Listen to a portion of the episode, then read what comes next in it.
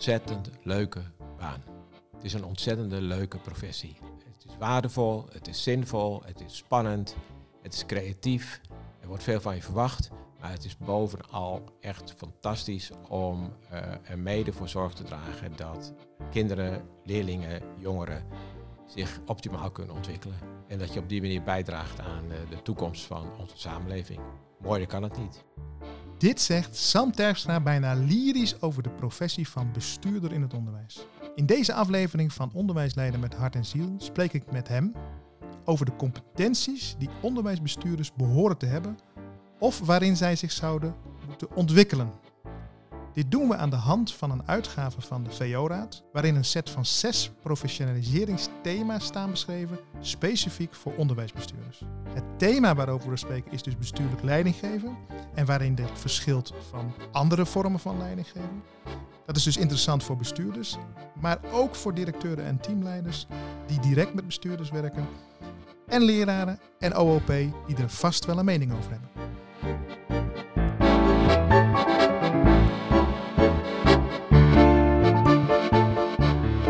Vandaag de gast is uh, Sam Terpstra. En dank dat ik uh, bij jou uh, aan tafel, aan de ruime tafel kan zitten in coronatijden. Ik wil met jou gaan spreken over bestuurlijk leidinggeven, omdat in mijn ogen ben jij daar een expert in. En met name over de bron een set professionaliseringsthema's voor bestuurders in het funderend onderwijs. Dat is de ondertitel van een uitgave van de VO-raad over de onderwijsbestuurder, een uitdagende professie. Maar de luisteraars zullen benieuwd zijn, wie is die Sam? Ja, nou, ik ben dus uh, Sam Terpstra, 67 jaar. Ik heb uh, jarenlang in het uh, voortgezet onderwijs gewerkt, waarvan de laatste tien jaar als bestuurder. Dat deed ik bij Reggestein in Nijverdal. In september 2017 ben ik daarmee gestopt en sinds die tijd ben ik zelfstandig en houd me bezig met het opleiden, met name van bestuurders, het begeleiden en coachen van bestuurders. Ik ben toezichthouder in het onderwijs en zo af en toe sta ik bestuurders bij bij uh, ingewikkelde vraagstukken die zich in die organisatie voordoen. Je hebt daarvoor allerlei andere dingen gedaan. Ja, dat klopt. Ik ben uh, ooit opgeleid als uh, theoloog, ethicus en vervolgens als docent ethiek binnen de wereld van de HAO terechtgekomen. voordat die HAO opging in Hogeschool Windesheim. En vanuit die, professor, ja, vanuit die stap uh, ben ik gaandeweg meer en meer in het leidinggeven terechtgekomen. Dat is eigenlijk mijn vak geworden. Uh, tot 1999 binnen het HBO en toen overstap naar het VO.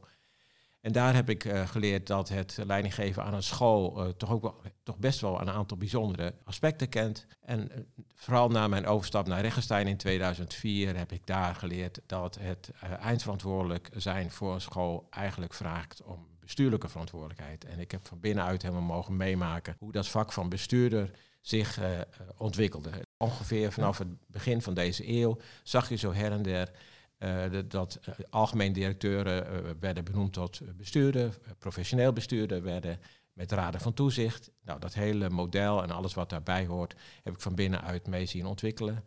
En ja, ik heb er ook altijd de gewoonte van gemaakt om daarnaast actief te zijn, bijvoorbeeld bij, binnen de VO-raad vanuit die verantwoordelijkheid ook heel hard uh, meegewerkt aan het tot stand komen van de VO-academie. En het toetje was eigenlijk dat ik vervolgens uh, gevraagd werd om uh, ja, een soort state of the art te beschrijven waar het gaat om de positie van de bestuurder.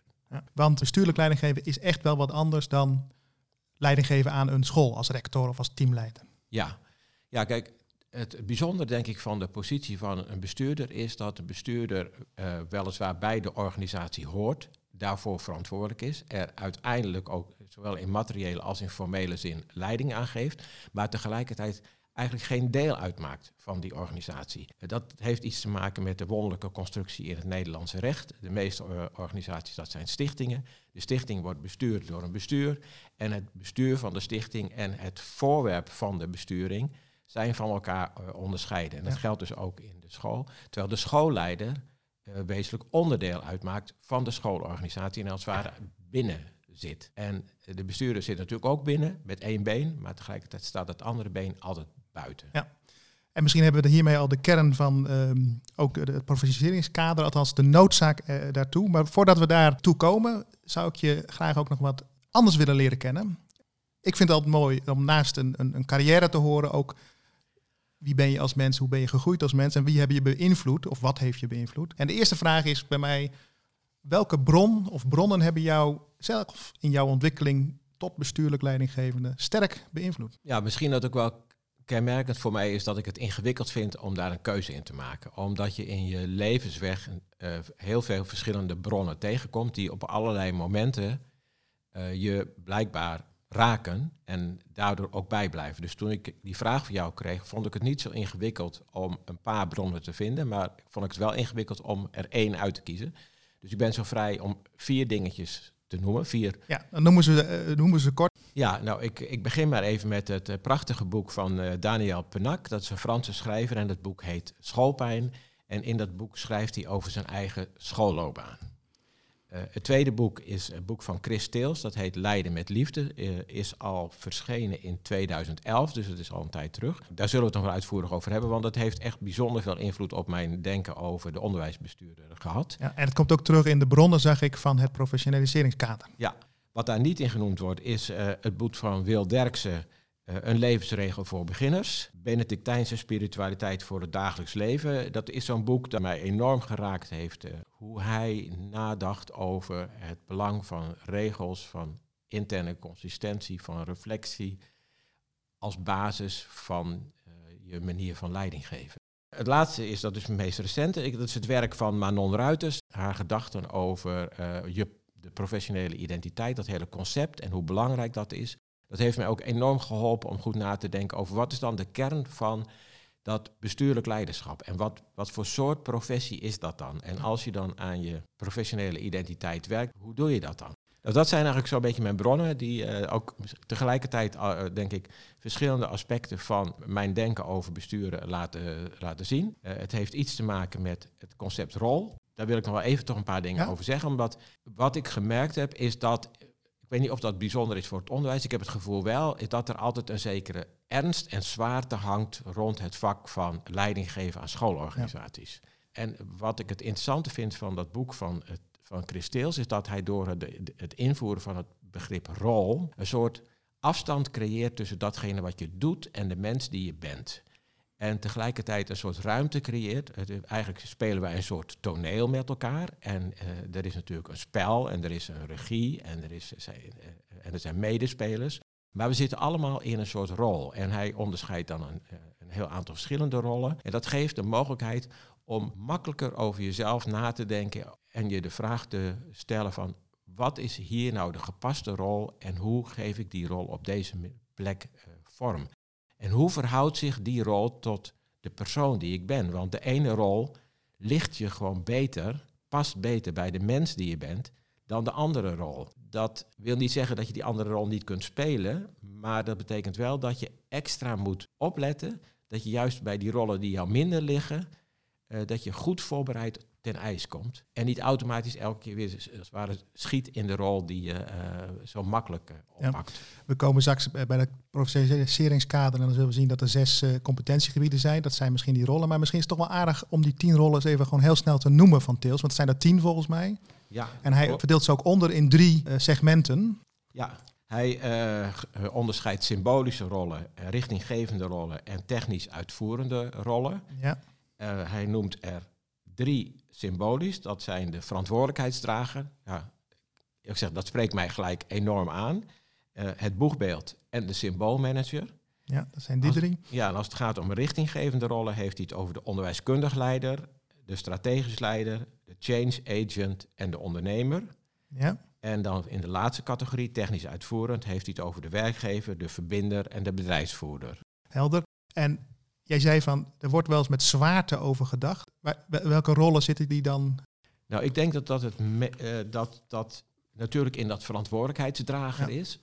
Even een kleine anekdote. Toen ik de overstap maakte van het HBO naar het voortgezet onderwijs en directeur werd van een school waar 1600 leerlingen uh, rondliepen, heb ik de eerste maanden echt last gehad van het gevoel dat die 1600 leerlingen aan mij waren toevertrouwd. Ja. Wat natuurlijk helemaal niet zo is. Als je het persoonlijk neemt wel. Nee, ja, je bent verantwoordelijk voor het goed functioneren van die organisatie enzovoort. Maar Juist. je bent niet persoonlijk verantwoordelijk nee. voor het welzijn van al die 1600 leerlingen. En toch voelde het wel een beetje zo. Nou, niet meer dan een beetje. Ja. Ik, ik, ik heb daar wel uh, letterlijk uh, slecht van geslapen. Oh ja. Uh, totdat ik ontdekte, of beter gezegd, mijn rol vond. In, in het spel tussen al die anderen die in die school al veel langer werken, die er allemaal rollen vervullen.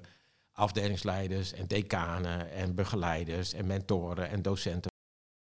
En dat, je in, dat het gaat om het orchestreren van dat spel. Dat je dus niet zelf die 1600 leerlingen uh, op je schouder moet nemen. Nou, die zwaarte, dat, dat, heb, dat heb ik in ieder geval zelf zo ervaren. En ik heb altijd het gevoel gehad dat dat ook in de contacten met collega's, zeker in die periode, heel anders was dan in het HBO. Waar in het HBO veel meer de nadruk was, ja, de studenten zijn gewoon zelf verantwoordelijk. En bovendien, eh, die studenten die namen ook hun verantwoordelijkheid en die maakten het jou met name heel erg lastig. En veel minder dat ze het gevoel gaven dat je voor hem moest zorgen. En dat dat het, als ik het goed hoor, had het dus inderdaad ook te maken met de, de leeftijd van de groep waaraan je uh, dan leiding gaf. Wat ik ook al heb als ik dit zo luister, het bevrijdende dus van ontdekken dat het een rol is. Het bevrijdende voor jezelf. En tegelijkertijd uh, zal het interessant worden. Die persoon van die leidinggevende zal altijd nog van, van belang worden of zijn. Maar misschien pakken we dat bij dat kader wel op. Ja, nee, dat moeten we echt daarbij oppakken. Want Kijk, dat weten we natuurlijk allemaal ook van, als je kijkt naar toneel, dan weet je dat een goede toneelspeler, die kan zich zo identificeren met de rol die hij of zij speelt, dat je als het ware niet meer het verschil ziet tussen de speler en de gespeelde, zal ik maar zeggen. En dat, dat hoor je natuurlijk als bestuurder ook te zijn, dat mensen niet meer herkennen dat je een rol speelt, maar dat ze jou zien. Dat, het toch echt is. Dat de mens zien, echt. Herkenbaar, zodat er ook echt contact uh, ontstaat. Want dat contact uh, is in mijn beleving het allerbelangrijkste waar het gaat om. Wat je als bestuurder kunt doen. Nou heb je het over echt. Mijn tweede vraag is altijd van welke echte kritische momenten bij mij spreken, echte kritische momenten heb je meegemaakt? Dan zul je ook zeggen van daar heb ik ook al heel veel van. ik daag je uit om één is voorbeeld te geven van een, een kritische ervaring die jou in jouw ontwikkeling geholpen heeft of, of hoe je dat ook ziet. Ik denk dat het 2014 of 15 was. Uh, dat, dat was het moment dat wij binnen Regenstein toch onverwacht geconfronteerd werden met een uh, opeens veel minder grote aanmelding dan wij verwacht hadden. En wat je dan bijna automatisch doet, is dat je gaat nadenken over ja, maar we moeten onszelf nog beter verkopen. Nog beter duidelijk maken aan de wereld hoe goed wij eigenlijk zijn. Want uh, blijkbaar zien mensen dat niet. Nou, daar zijn we mee bezig gegaan. En het grappige is dat, als ik daarop terugkijk, dat we toen besloten hebben om dat niet te doen. Uh, eigenlijk hebben we onszelf de vraag gesteld van, maar oké, als er dus op dit moment veel minder belangstelling voor uh, ons is, zou het dan niet goed zijn om ons de vraag te stellen van, oké, maar wie zijn we dan eigenlijk? En wat hebben wij dan te betekenen voor de wereld om ons heen? En hoe kijken mensen dan naar ons? Die vraag stellen uh, heeft ons ertoe gebracht om opnieuw te definiëren van oké, blijkbaar is dit de school die we willen zijn. En dit is het verhaal dat wij voor deze omgeving willen hebben en daarom doen wij ertoe. De uitvoering van dat traject en de aanpak daarvan, ja, dat heb ik altijd beschouwd als toch als bijna een soort keerpunt in mijn loopbaan, omdat ik uh, toen echt ook ontdekte van het is heel belangrijk om goed na te denken over de vraag zijn we er eigenlijk wel nodig en waar staan we dan voor? Ja. En vinden mensen het eigenlijk wel belangrijk dat wij blijven bestaan? Ja. En hoor ik je goed, die vraag beantwoorden is dus belangrijker voor je dan een quick fit van dat we meer leerlingen hebben. Ja, ja, en dat je dus weer teruggaat naar de kern en dat je dus ook gelooft dat als je voor jezelf ervan overtuigd bent dat je goed weet wat je betekenis is in die context, dat dan dat vanzelf ook herkend kan worden. En als dat niet herkend kan worden, als mensen daar gewoon zeggen, ja, daar hebben we geen belangstelling voor, we willen heel iets anders, dan moet je denk ik ook de moed hebben om te zeggen, oké, maar wij willen dit en zij vragen dat. Nou, blijkbaar moeten we daar dan maar consequenties aan verbinden en afschalen eh, of iets dergelijks. Maar we moeten niet drastisch opeens gaan uh, achter die vragen aan gaan rennen als dat niet bij ons past. Ja. Want je bent wie je bent en je bent wie je wil zijn. En uh, natuurlijk is het goed om te kijken naar wat mensen van je vinden, maar het mag nooit zijn, u vraagt en wij draaien. Nee. Nee, blijf bij jezelf en denk vanuit de essentie. Denk van wie ben je en wat is je identiteit en wat wil je betekenen. Ja.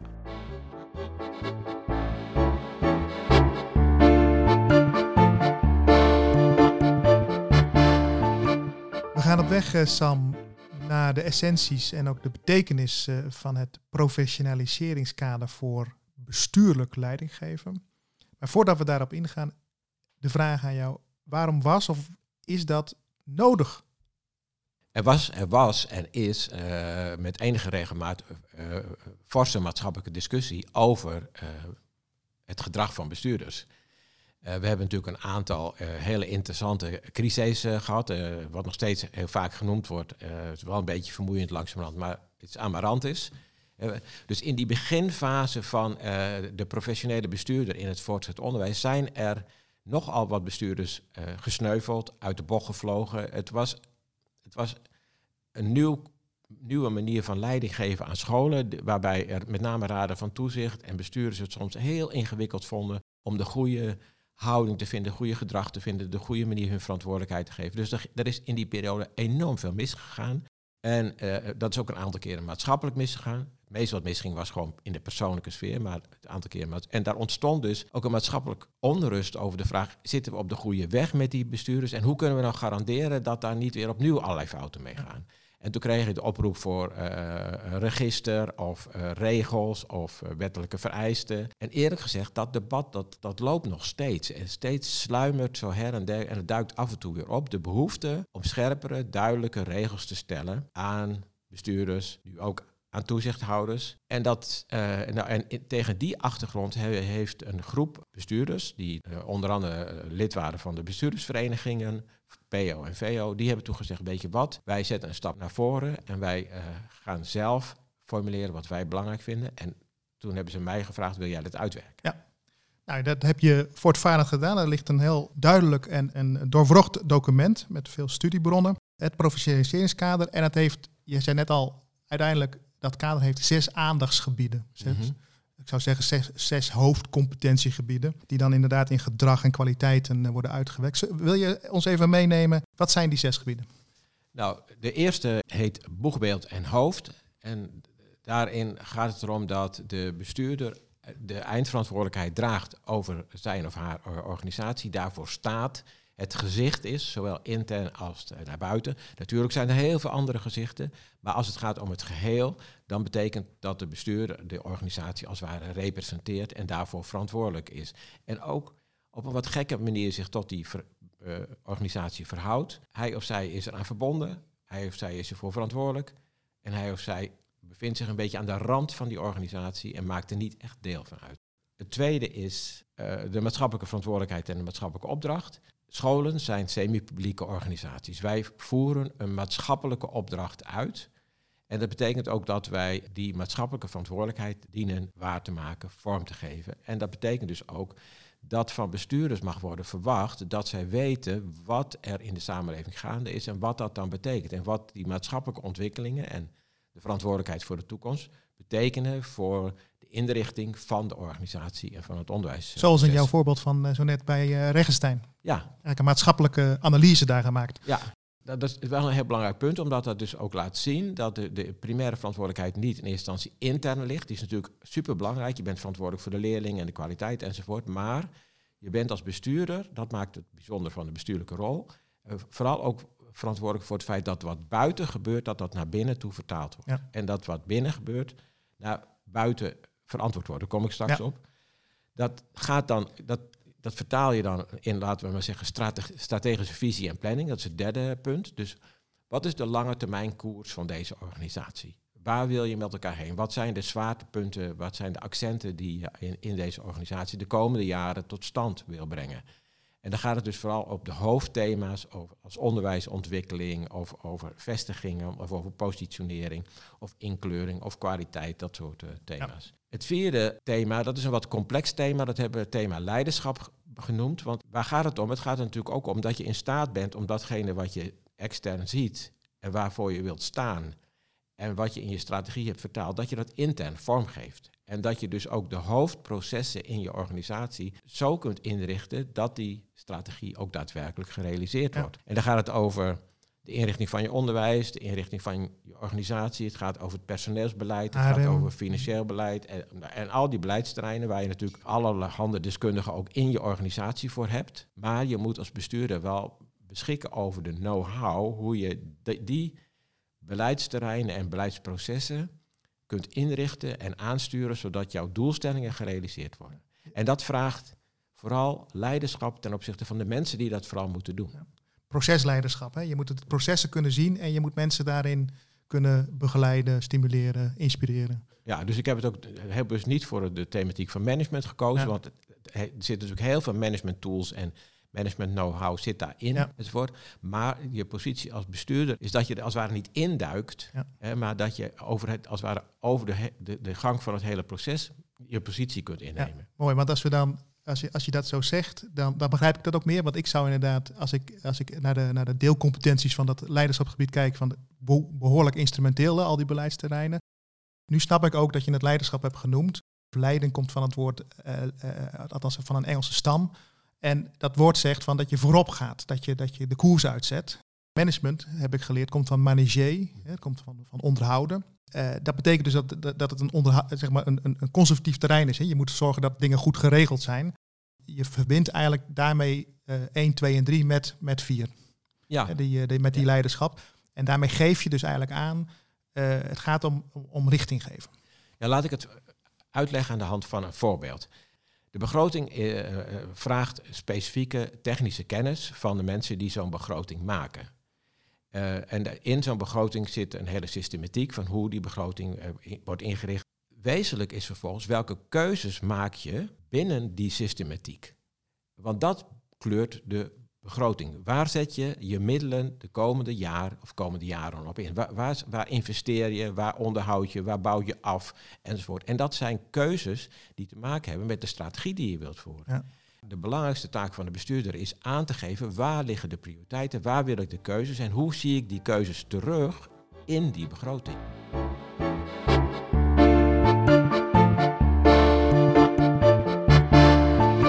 Heel simpel gezegd, dat is te simpel. Je, je houdt echt de, de, grote lijn en het grotere doel. Je houdt de purpose, zou je kunnen zeggen, in de gaten. Hè? De bedoeling.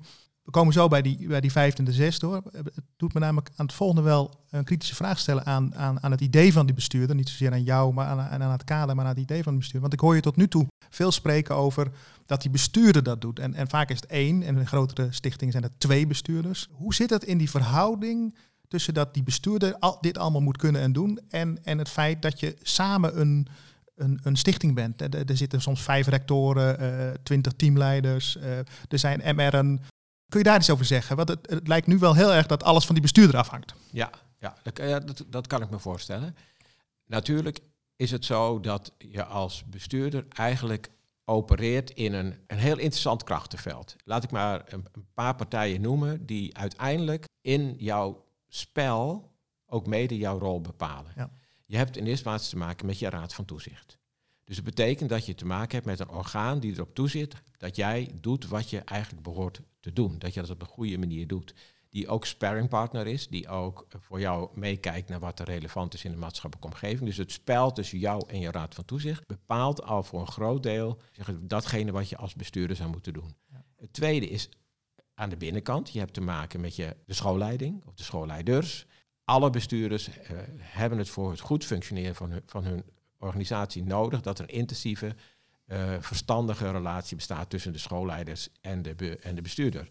En dat betekent dat de bestuurder enorm gevoed wordt door de schoolleiders, maar ook door de staf, waar het gaat om de keuzes die gemaakt uh, moeten worden. En daar hoort in mijn ogen een sterk participatieve uh, stijl, bij. Uh, dus het is niet zo van uh, ik, ik luister en vervolgens beslis ik. Dus dat gaat bijna altijd in een soort dialoog.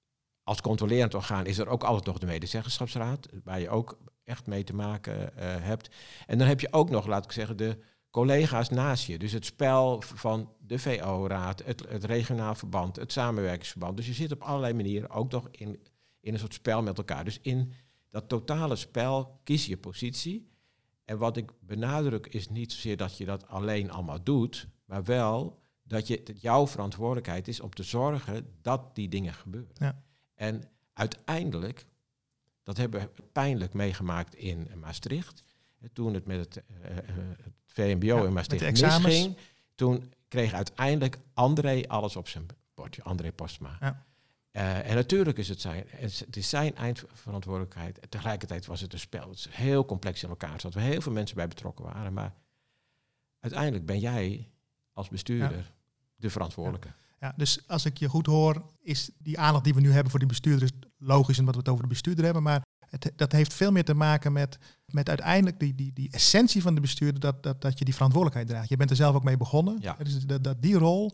En dat maakt dat we, dat we nu misschien iets meer inzoomen op, op wat die bestuurder allemaal doet. Uh, in jouw geval betekent dat die bestuurder altijd toch, je, hoort, je gebruikt toch geloof ik ook het woord contact, hè, verbinding. Want je moet heel goed in contact staan met je, met je school. Maar ik versta je nu ook met al die spelers in dat veld dat je net schetst. Ja, een school is in mijn idee zijn mensen. Ja. Een school, dat zijn leerlingen, leerkrachten, conciërges, uh, administratief medewerkers, whatever. Je staf zijn mensen. Het gekke van leiding geven aan een onderwijsorganisatie is dat het alleen maar over mensen gaat. Ja. Het, natuurlijk gaat het een beetje over geld en over gebouwen en al dat soort dingen meer. Maar het gaat eigenlijk alleen maar over mensen. En het, het feit dat. Maar dan maak je al een keuze. Ja, nou, zeg, ik, misschien dat het een keuze is, maar ik snap het gewoon niet als mensen dat niet, dat perspectief niet hanteren. Ja. Dan denk ik, dan ben je van een andere wereld. In mijn leergang uh, bij AOG School of Management heb ik heel veel docenten uit de hele, ja, zeg, uit allerlei verschillende branches en hoeken en gaten gehad.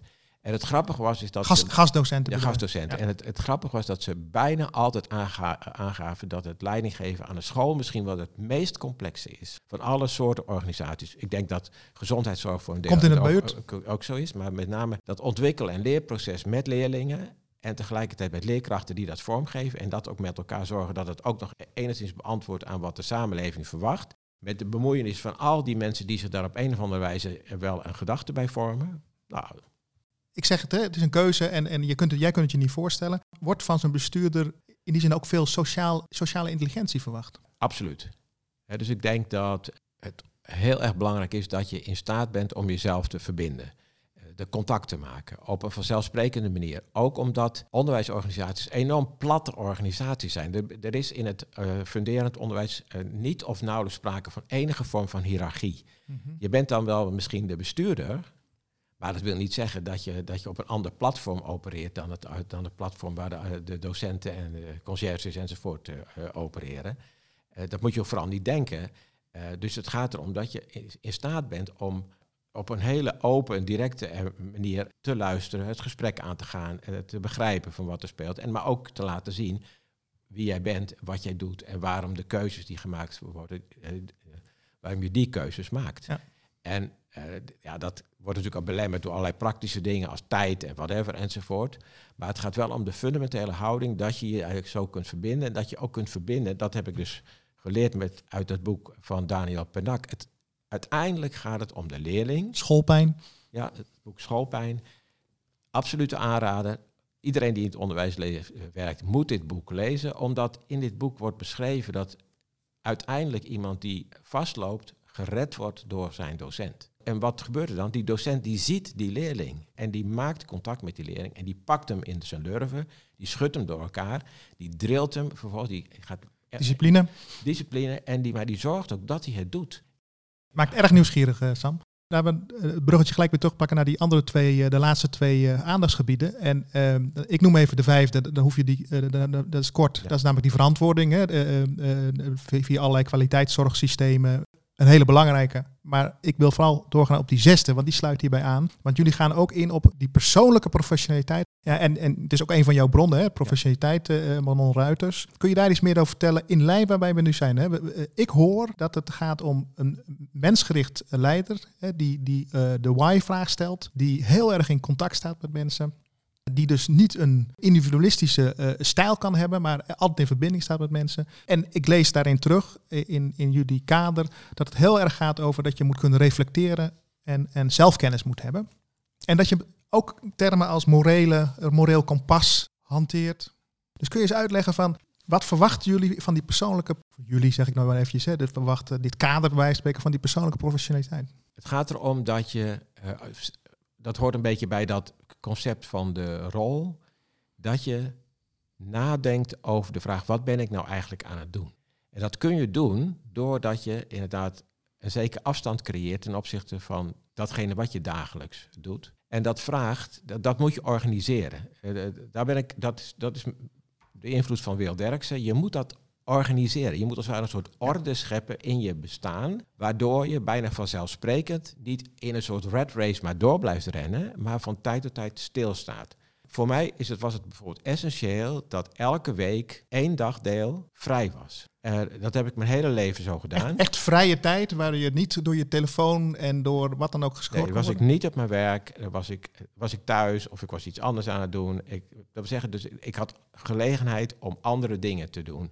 En, uh, maar ook om te lezen of om na te denken uh, of mensen te ontmoeten. Maar in ieder geval even uit die altijd overvolle agenda. Want het is geen enkel probleem om je agenda gewoon te vullen met drie weken ja. werk in één week. Ik dat... Doe bedenken aan het onderscheid van Joke Herms, hè? Kairos-tijd en Chronos-tijd. Chronos die gaat om, uh, om chronologie, ja. zoveel mogelijk taken doen. En Kairos gaat om, wacht even, begrenzen. En dan kan er iets gebeuren. Ja. Dan kun je iets ontdekken. Ja, en dat betekent dus ook dat je, moet, dat je vervolgens gedwongen wordt om na te denken over wat echt belangrijk is. Dus je moet op, dus agendabeheer, daar schrijft uh, Bill Derks ook over. Uh, nou, dat zijn uh, dingen die, waardoor je het kunt organiseren om niet samen te vallen in de, uh, de wanhopige hoeveelheid dingen die op je bordje komen. Ja. dus dat is, dat is denk ik stap één. Stap twee is denk ik dat, dat ik me niet zo goed kan voorstellen dat je dit werk kunt doen zonder met enige regelmaat terug te gaan naar je eigen persoonlijke kern. Of dat nou je spiritualiteit is, of je moraliteit. Of je levensvisie. Of, of, je levensvisie, of je politieke overtuiging. Maar in ieder geval, dat zeggen de fundamentele waarden die, in jou, die jouw leven vormen. En dat, je, dat het dus goed is om, om na te denken over hoe die zich verhouden tot datgene wat je aan het doen bent. En of, je, of er nog wel voldoende congruentie bestaat tussen jouw dagelijkse praktijk en datgene waar je echt voor staat. En of je dat uh, ook, dat mensen dat ook kunnen herkennen in datgene wat je doet. Ja, daarvoor helpen uh, bijvoorbeeld coaching. Waarbij, Spiegel van een ander. Waarbij de ander jou spiegelt, op, juist op dat punt. Wat helpt is collegiale uh, gesprekken met andere collega's. wat, maar wat ook helpt is gewoon het lezen van romans, literatuur, het kijken naar goede films, het je ondergaan van prachtige muziek, maar in ieder geval andere vormen van impulsen die jou kunnen verleiden om even los te komen van het dagelijkse gedoe. Ja.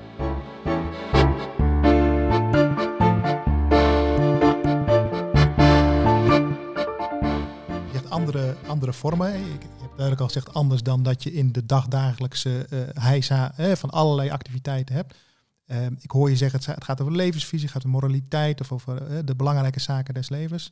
Zijn er ook andere gebieden? Want ik kan me, laat ik zo zeggen, ik kan me ook voorstellen dat, een heel gek voorbeeld, maar een dictator eh, van een land kan ook zijn eigen kernwaarden kennen. Een dictator kan ook heel goed uh, reflecteren en tijd nemen daarvoor, omdat hij dat heeft georganiseerd. En toch zal, zal zo'n dictator niet het beeld zijn van, van, van de bestuurder die uit jouw verhaal naar voren komt. Dus is er ook een inhoudelijke, morele maatstaf? Als ik jouw bronnen zie, hè, je hebt natuurlijk een aantal bronnen meegenomen die, die wijzen aan de kant op. Maar is er ook een inhoudelijke vraag van wat maakt dan iemand een goed persoonlijk leider? Want daar hebben we het in feite over. Of is die vraag niet te beantwoorden? In ieder geval, het kader beantwoordt hem niet. Nee, nee het kader beantwoordt hem niet. Het kan een rechtvaardig leider zijn, dus dat, dat, dan is dat de norm. Of een compassievol, of, of ja. het moet sociaal zijn.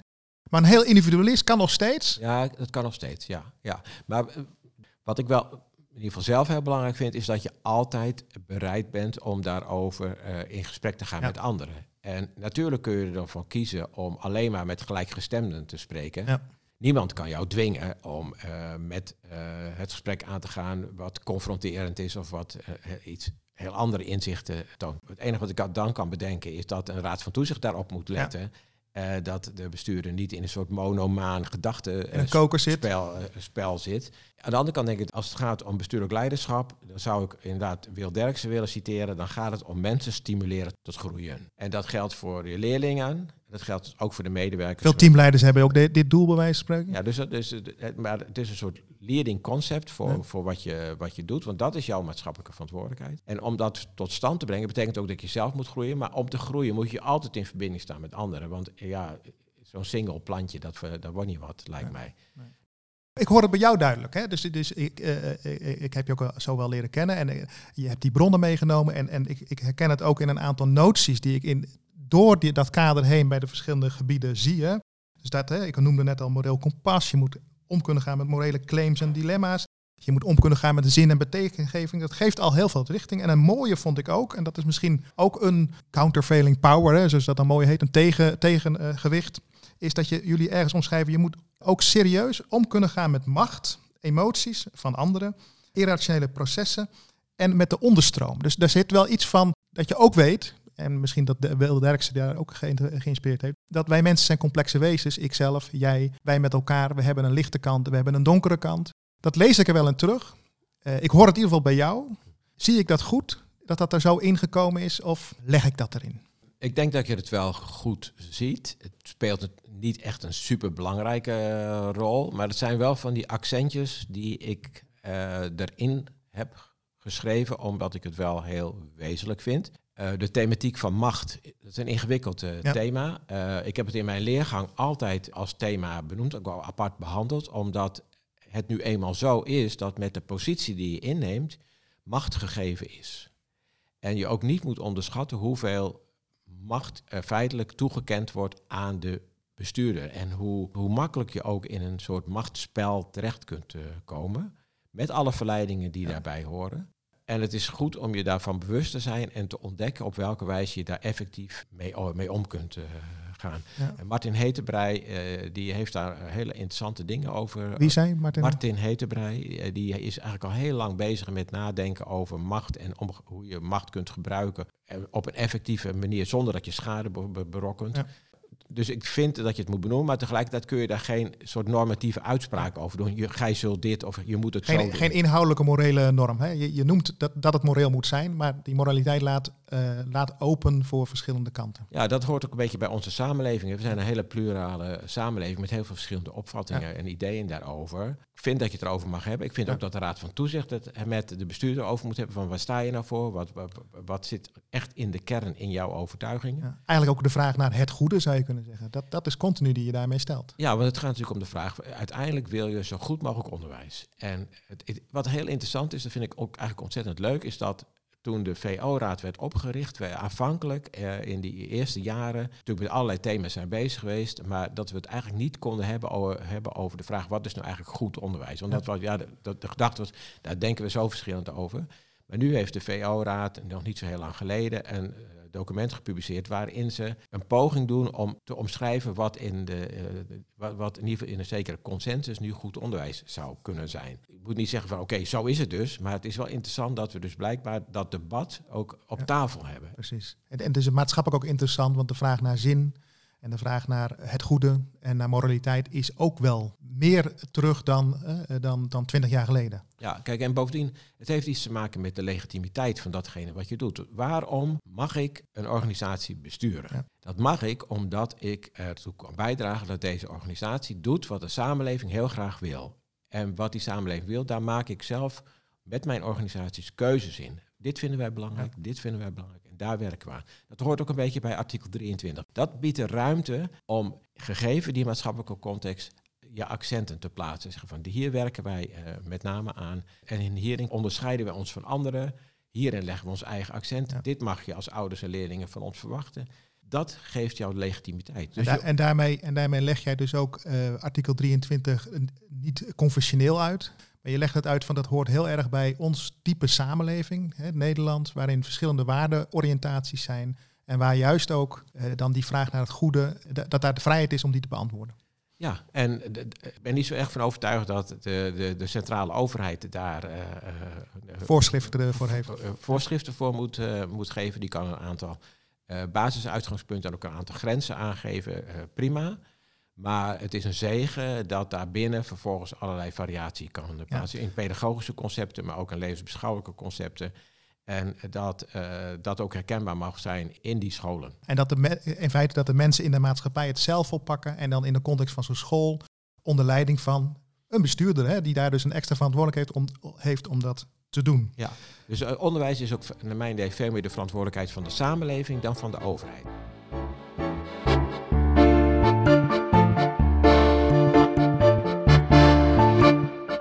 Afronding van dit gedeelte.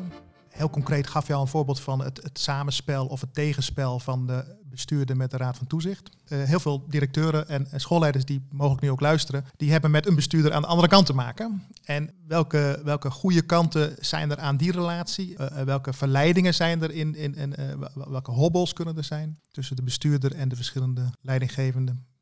Het lastigste is om het spel goed te definiëren sluit hem aan bij wat ik natuurlijk ook al eerder nu in dit gesprek gezegd heb. Ik hou heel erg van dat ik weet in welk spel ik zit.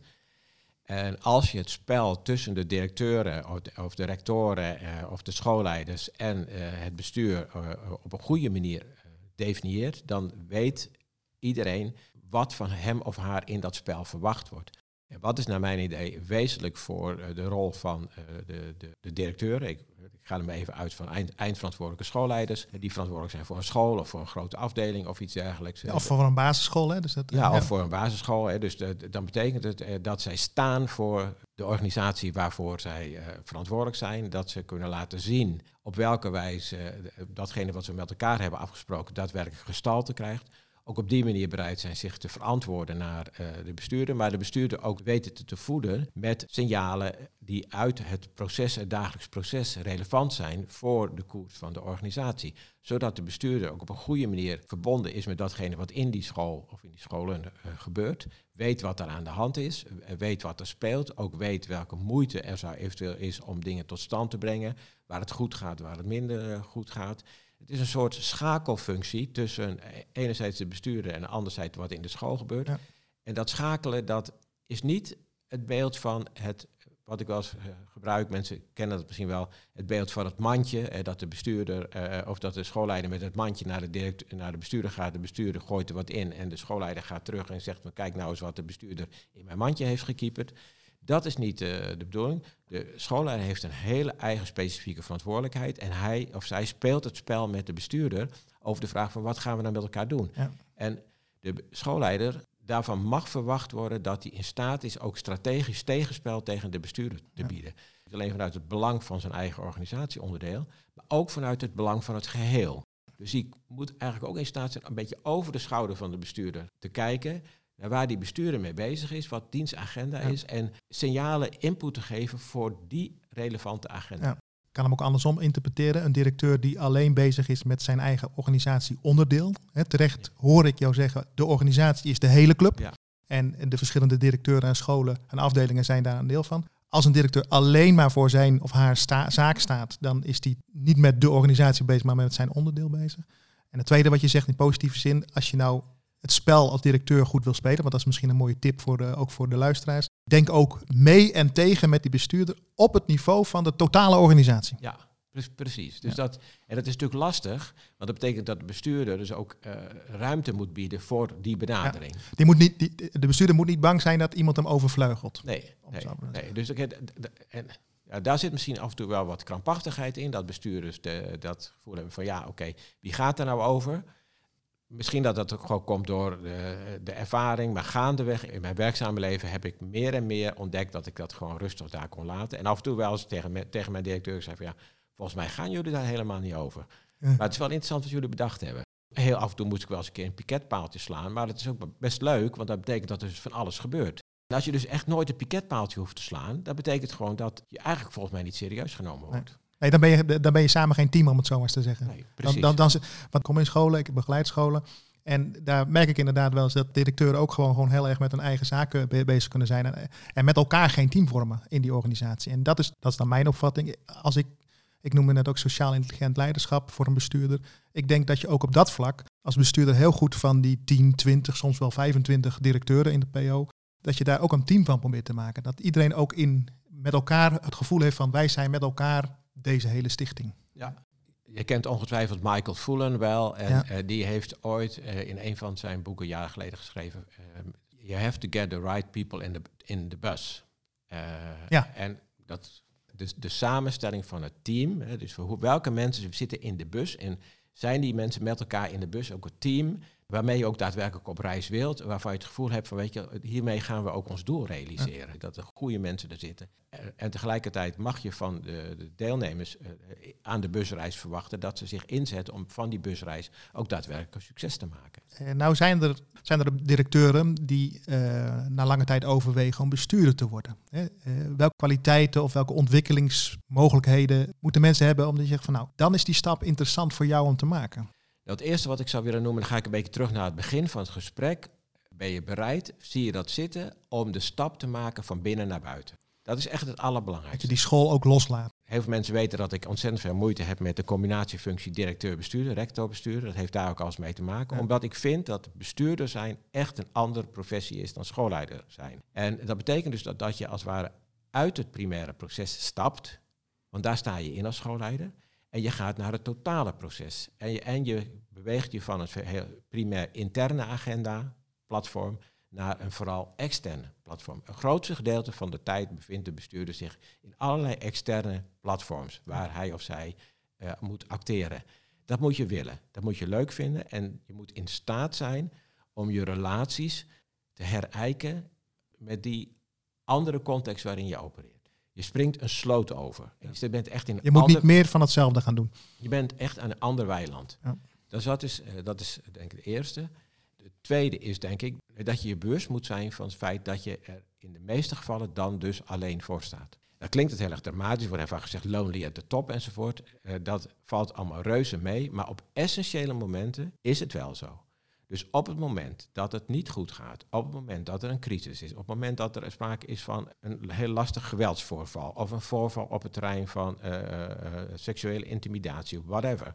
Op al die specifieke contexten komt het op jou aan. En is het jouw verantwoordelijkheid om dat te doen wat je moet doen. Dat betekent dus voor heel veel collega's dat ze uiteindelijk, vooral met hun vrouw of met een goede vriend of wat is voor daar, maar dat ze in de specifieke context waarin ze werken, ja, er gewoon alleen Ja. voor staan. Ik wil het niet dramatisch, ik ga het Nee. echt niet dramatiseren, maar je moet wel bereid zijn om te en ook voor jezelf het gevoel hebben, sta ik ook stevig genoeg in het leven om dat te doen. En het derde is denk ik de vraag van, heb ik maatschappelijk al een verhaal? He- Heb ik een verhaal? Sta ik ergens voor? Sta ik voor een verhaal dat maatschappelijk gesproken ertoe doet.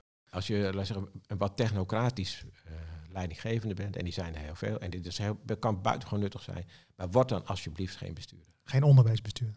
Sowieso geen bestuurder. Ook geen bestuur. Nee. Want ik denk namelijk dat het altijd, eh, Op jou als mens aankomt. ja, Ja. en dat is uiteindelijk ook, ook in het bedrijf eh, gaat het erom, realiseer je wat je zou willen realiseren. En ga ik ermee vanuit dat dat niet alleen gaat om het feit dat je een goede boterham Nee. verdient. Nee. Welke betekenis voeg je toe? Ja. Dat is eigenlijk. Ja. Ja. Eh, Dat, dat verklaart misschien ook wel een beetje waarom, waarom bestuurders eh, eh, 40 plus, 45 plus zijn en niet zozeer eh, 25. Of, of kun je ook als 25-jarige? Nee, ik geloof het niet. Dat je. eh, ik merk dat ik het lastig vind, omdat ik denk, ja, je mag dat niet. Je, maar- je, je kan een uniek indi- individu zijn, hè? Maar is- ja, ja, you, never know. Maar ik, ik zou zeggen, een zeker. een levensgroei, een rijpheid. Ja, een zekere. eh, je, moet wat, je moet een beetje gebut, geblutst zijn, Ja. hè? gebutst. Hoe heet dat? Die Wat deukjes Ja, hebben opgelopen, die dingen hebben verwerkt. Dus je moet ook in wat. In, je moet, Er moet ook wat mis zijn gegaan, bij wijze van spreken. Ja, en daar moet je doorheen zijn, opgedaan. veerkracht. Ja, precies. De veerkracht. eh, jezelf wat hebben ontdekt. we- we- Weten wie je bent. En nou ja, daar is een zekere levensgang is wel, is wel essentieel voor.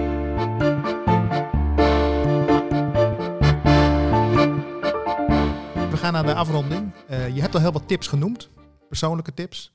Eh, deze, eh, de, de, de schoolpijn, dat moet iedereen gaan lezen. Ja. Ik ben ook al benieuwd naar de ervaringsvraag. Welke ervaring gun je nou iemand, een leidinggevende, en zeker een bestuurlijk leidinggevende, maar ik hoor dat wel. En waar vind je nou echt dat, dat, je in moet oefenen om, om een goed bestuurlijk leidinggevende te zijn? Nou, eerst maar even over dat laatste. Neem de ruimte om jezelf te kennen. En eh, ja, iedereen kan het op allerlei verschillende manieren doen. En ik bedoel dat niet zo heel stichtelijk of zo. Of therapeutisch? zweverig en therapeutisch. En je hoeft ook allemaal heel, echt niet op mindfulness eh, te gaan. Maar wel neem de ruimte om gewoon vanuit een zekere afstand na te denken over wie je bent en wat je aan het doen bent. En wat enorm helpt, is neem daarbij van tijd tot tijd een coach. Eén keer in de vier jaar. Ja, en dan ook wisselen van coach. Ja, ja, ja. Ja. Je moet dus niet steeds hetzelfde nemen. Nee, je moet echt weer op, op zoek gaan naar iemand anders. En zoek ook een tijdje voordat je een goede hebt gevonden. En praat ook met de betrokkenen over wat je dan verwacht. De levenslessen, kijk buiten de deur. Dat biedt ontzettend veel inzichten. En dat zijn heel andere inzichten dan je onmiddellijk zou kunnen gebruiken. Maar het, juist het, het wisselen van contexten. Dus kijk vooral buiten, Buiten de, de deur. deur. Ja, mooie tip. Dat is de belangrijkste tip. Ja, doet me denken aan een, eh, aan een schoolorganisatie, een grote schoolorganisatie, waarin eh, de rector-bestuurder met zijn eh, teamleiders wekelijks eh, vergaderen, uiteraard. Maar zes keer per jaar dat niet deden en, eh, en een gast uit de maatschappij uitnodigden op een thema die belangrijk was. Het kan ook een onderwijskundig thema zijn, maar niet iets waar ze op dat moment mee bezig waren. Ja, heel goed. Ja. Heel goed. Ja, heel mooie praktische invulling daarvan.